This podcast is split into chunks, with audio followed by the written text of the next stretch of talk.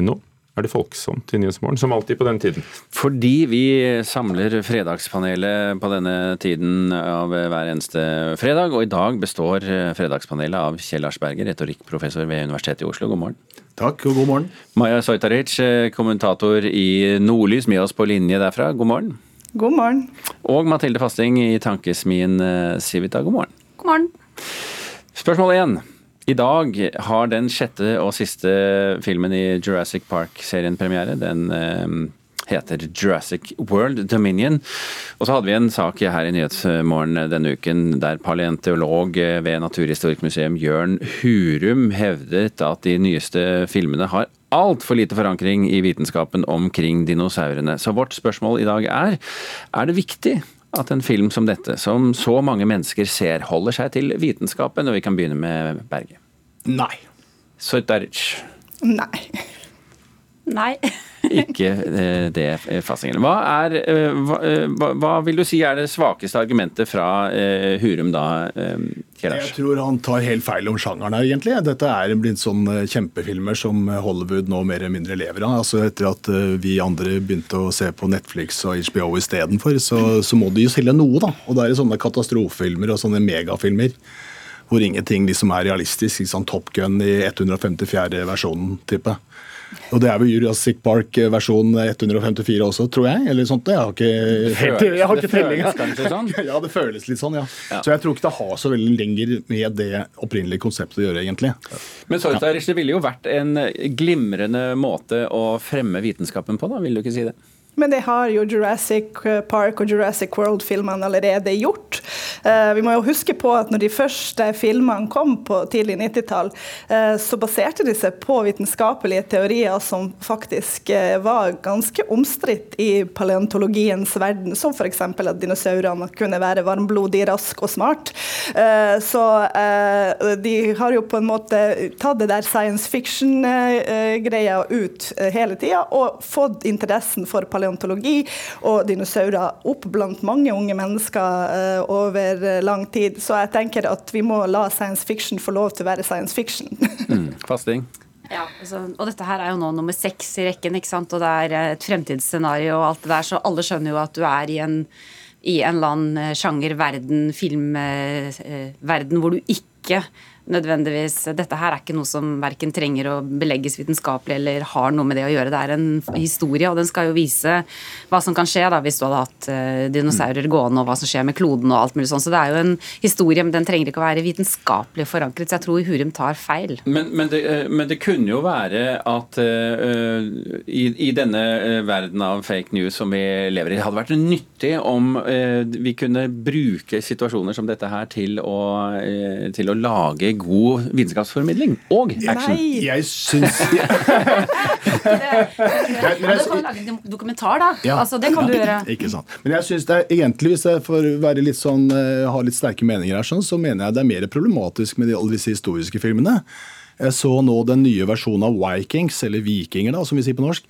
Eh, og der var liksom Harold, eh, Olav Haraldsen, Olav den hellige, altså. Han var voldtektsforbryter, han hadde voldtatt en grønlandsk kvinne, som da Leif Eriksson kom til Norge for å hevne. Jeg mener, hvor, eh, hvor, mye kan du liksom konstruere av fake news liksom, i historien før at det begynner å bli parodisk og tåpelig? Og det, Hvis det er sånn at folk som da kanskje ikke leser sagaene, og liksom følger med på historieforskningen, tror at dette er the real thing, dette er sånn det var, så er det jo litt eh, synd, vil jeg si. fordi at da skaper man et forvrengt bilde av historien og historiens forløp. da. Vi, vi, og så må skal... man jo la fortellinger være fortellinger, tenker jeg. altså, det er jo, Vitenskapen har sine egne kanaler uh, ja. å komme ut, og så tenker jeg at vi lar fortellinger være fortellinger. Vi kan jo da bare minne om at det går en helt fabelaktig eh, dokumentar om dinosaurer som heter Prehistoric Planet, og tar jeg ikke feil så går den på Netflix, gjør den ikke det? Eh, ta det siste med en klype salt, jeg husker ikke helt for å være ærlig, men den er altså samme teknologi som de bruker i eh, Jurassic Park-filmene, bare der er det vitenskapelig. Spørsmål to. Akvariet i Bergen har fått uh, nytt navn. Vi skal presisere litt hva det der er for noe, men fra og med nå så skal altså det hete O. Og slik skal det symbolisere sitt innhold og være en fisk på land. Spørsmålet vårt er er O et godt navnevalg for akvariet i Bergen, Soitaric? Nei. Fasting? Ja. Nei. Nei. Du skal få æren av å svare, eh, Mathilde Fasting, siden du sa ja. Ja, altså jeg syns egentlig at eh, det blir som sånne navn som man syns er merkelige først, men så må man se litt på hvorfor har man valgt dette her, og så tenkte jeg jo, så begynte jeg å se. Jeg var Ocean, og det var bobler, og det var oksygen, og designmessig så syns jeg at man kan gjøre veldig mye ut av en sånn buksa, og den er internasjonal, så jeg, ingen, alle forstår bare det symbolet, den O-en. Men selvfølgelig så leste jeg da Jens Kiel da, i Bergens Tidende og hørte han. Så fikk jo også, og da tenkte jeg Han jo skrev en kommentar hvor han var veldig negativ, men så hadde han også et par bra sånne negative ting på O. da, Så tenkte jeg det passer jo også ganske bra. Som f.eks. nullpunkt var kanskje én ting, men i hvert fall overfiske eller oljesøl og sånne ting. Så det er veldig mye du kan spille på her. Så hvis du er god på markedsføring, så kan du gjøre dette her til noe kjempekult. Men altså, Svojtaric. Altså, det er jo et bokstav. Kom igjen, vi må jo på en måte, Hvis vi må fylle det begrepet med konstant innhold via markedsføring, så har jo markedsføringa bomma kolossalt. Mm. Det, jo, det, tenker jeg altså, det Noen ting må jo nesten være litt selvforklarende. Eh, og da er det minste man kan forvente at man blar litt i ordboka og bruker et fullstendig begrep. Jeg har spart eh, retorikkprofessoren til slutt, med vilje. Nei, Jeg blir, litt, blir nesten overbevist av fasting her. altså. Hun, la, hun, la, hun overbeviste meg om at jeg kanskje tok feil, men jeg syns at dette var et teit navn. Nei, altså Problemet med det synes jeg er at det er så lite informativt. Altså, det, altså hva, hva, er det, liksom? Altså, du kan fylle det med hva som helst. altså ok, Med veldig god markedsføring og ordentlig god understøttelse av dette, her, så kan det bli spennende, liksom. Men jeg syns det er litt, eh, litt litt null, altså. Litt mm. tomt, ikke sant. Og sånn, og, og sier egentlig ganske lite om hva det egentlig skal foregå i dette. De har jo noen museer borti Bergen som heter Kode, så de er jo liksom i, ja, i, i en sånn navneendrings... Ja, det har jo også vært krangel om eh, denne logotypen til eh, Nasjonalmuseet. ikke sant? Altså det, man, man, bruker veldig mye penger og veldig mye tid på liksom å gjøre veldig mye ut av sånne ting som egentlig er ganske marginale i forhold til opplevelsen av stedet, vil jeg si. Du har lyst til å si gimmick nå? Vent litt, uh, Maja. Uh, jeg har fasting først. Det vet jo ikke du som sitter der oppe, men jeg peker. Det er greit. Eh, altså, det er jo Jeg mener, vi har et annet som også er veldig kort, f.eks. Vy. Altså yes, hva, hva, betyr det? Eller Equinor, som er litt lenger. Eller eh, Og det er, altså, Equinor er, det er Statoil. Sorry, de driver med olje og gass, er greit. Ikke, ikke prøv å skjule det. Statoil er Statoil. Eller Tine, som plutselig men, Og den er jo litt Leste jeg om historien på den, og det var, den het noe altså Meieriene, veldig langt ord. Og så Tine, men det gikk veldig fort. Så vendte folk seg til hva Tine var for noe. Og det kan godt være at det samme skjer her, men det er alltid vanskelig med navneendringer uansett. Ja, Eh, nå, Maja. Ja, altså, Nasjonalmuseet har jo et navn. altså Logotypen kan jo være litt sånn her iffy, men uh, Nasjonalmuseet er jo Nasjonalmuseet. Uh, og det er litt sånn stødig, det er norsk. Uh, det har på en måte en forankring i et faktisk begrep om hva et, hva et museum skal gjøre. Uh, og uh, må du jo bruke voldsomme mengder med penger fremover for å profilere både nasjonalt og internasjonalt hva det her skal forestille for folk. Og det, eneste egentlig du bidrar til, er jo at bergensrapperne kan uh, ha en hel del morsomme ting å rime på i det her. Så jeg tror det her er jo ordentlig skivebom fra, i Bergen. Jeg nevnte at det skulle presiseres litt her, for det kom jo ut etter at dette ble kjent, og etter, etter eh, kommentator eh, Kiel, så eh, sa, presiserte de da at det er verdenshavsenteret i Bergen som skal hete O. Det skal de bygge opp, og så skal akvariet inn i O. Men skal fremdeles hete akvariet. Bare en sånn kommentar til fastsettingsresonnementet. Altså, jeg tenker på et sånn ekstremt sterk merkevare som Ikea. Ja. Hvis man tenker på bakgrunnen for det navnet, som jo er en forkortelse, ikke sant? som mm. har med hvem som, som skapte Ikea, altså Ivan Kamprad, hans etterfølge, et eller annet sånt.